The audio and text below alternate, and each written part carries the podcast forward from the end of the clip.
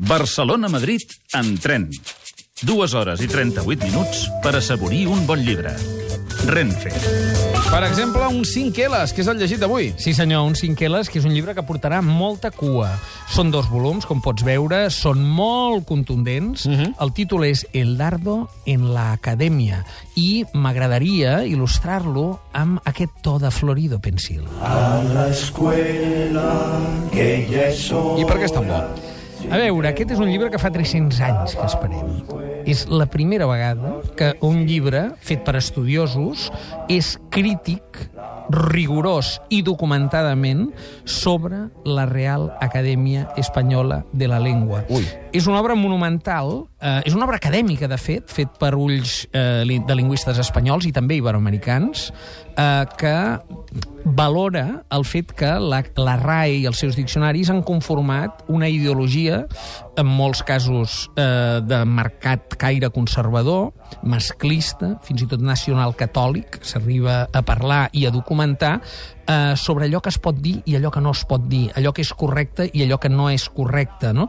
I eh, també un ús, eh, diguem, com a mínim dubtós, de les prebendes reials, que com a Reial Acadèmia té, de, eh, diguem, empresa pública que pot actuar eh, amb criteris d'empresa privada en la seva relació amb el món editorial, per exemple.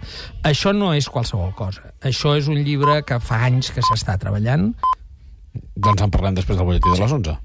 A la escuela que ya es hora.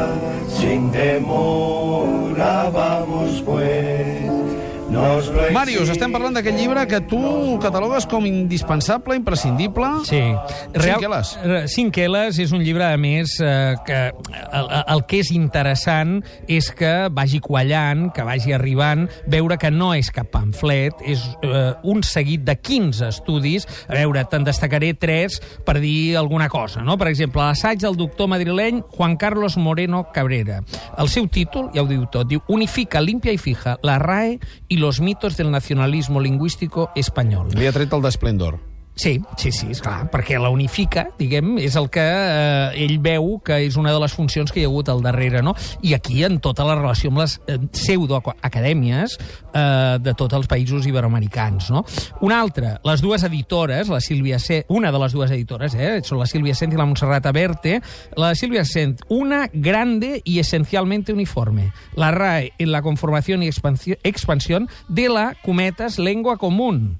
Eh, diguem, aquí es toquen, des de perspectives molt diferents de les habituals, un seguit de tòpics que circulen sobre la llengua adherida a unes opcions, per entendre'ns, de construcció nacional i de ideològica que fa 300 anys que rullen, perquè l'Acadèmia es va fundar el 1713, curiosament. L'última que, que t'indico, Susana Rodríguez Barcia, per exemple. Un mundo a su medida. La construcción de la realidad en los últimos diccionarios de la RAE. Uh, a veure, mm, és obvi que la llengua és central en la conformació del pensament i és obvi que si hi ha una instància que adquireix un poder moral sobre tots els parlants d'una llengua tan parlada com el castellà arreu del món i és capaç d'indicar què es pot dir i què no, què és correcte i què no, eh, aquí al darrere, en fi, hi ha, hi ha unes quantes qüestions a delimitar eh, que habitualment no, no, no, no convé esbombar i no s'esbomben, no?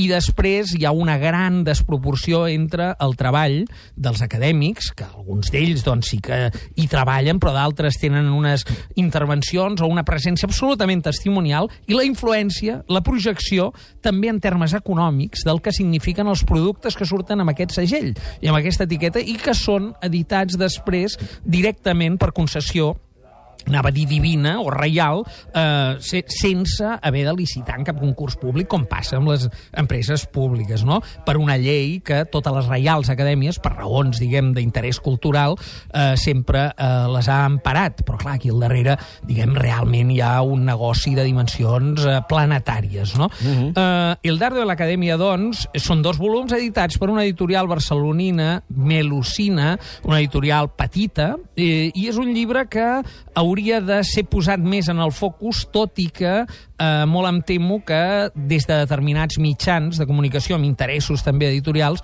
potser no se li donarà el, la presència que mereix, no? I eh, per això em volia fer una, una remarca.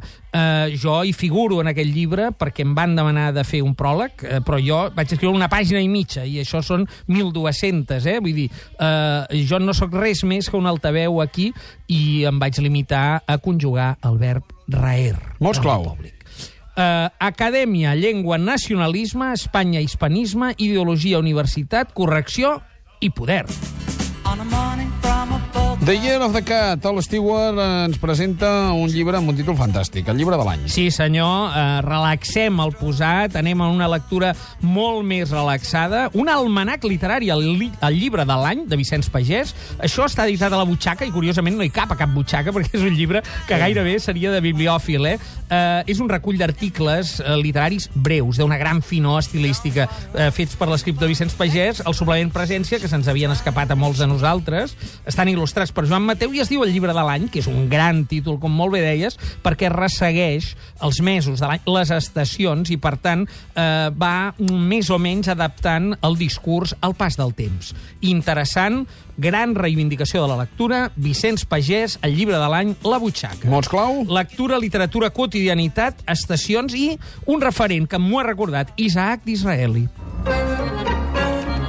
Sona la comparsita en, versió, en versió d'Astor Piazzolla. Sí, senyor, això és per il·lustrar el fullejat d'avui.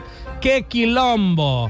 Això és un diccionari d'argot, el primer diccionari d'argot monolingüe, aparentment, argentino-espanyol, espanyol-argentino, amb quilombos i de més, que suposo que ens ajudarà a entendre quan el Messi eh, s'embarbussa o ens diu alguna cosa. En tot cas, és un diccionari molt interessant, molt divertit. Realment, Argentina eh, va generar, des del lunfardo fins a moltes altres, diguem, maneres de parlar eh, de Buenos Aires, un llenguatge universal a través del tango, però molt i molt interessant. Que quilombo de l'editorial Pons. Tria una paraula, va. Va, mira, agafem... Jo buscava quilombo, però resulta que no. No, eh? deixa't que... estar de quilombo. No, no, perquè quilombo era d'això. Jo eh, mi, miro aquí i em diu ortiva.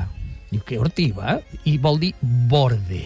Mhm. Diu, què ortiva? Diu, jo no le vi eh, nada. Diu, no estaba opinando, era muy ortiva. El orto. Eh, eh, orto, exactament, era orto. sí, senyor. Màrius, moltíssimes gràcies. Macanudo, pibe. Una pausa i posem música. Ens visiten els Catarres. Adéu.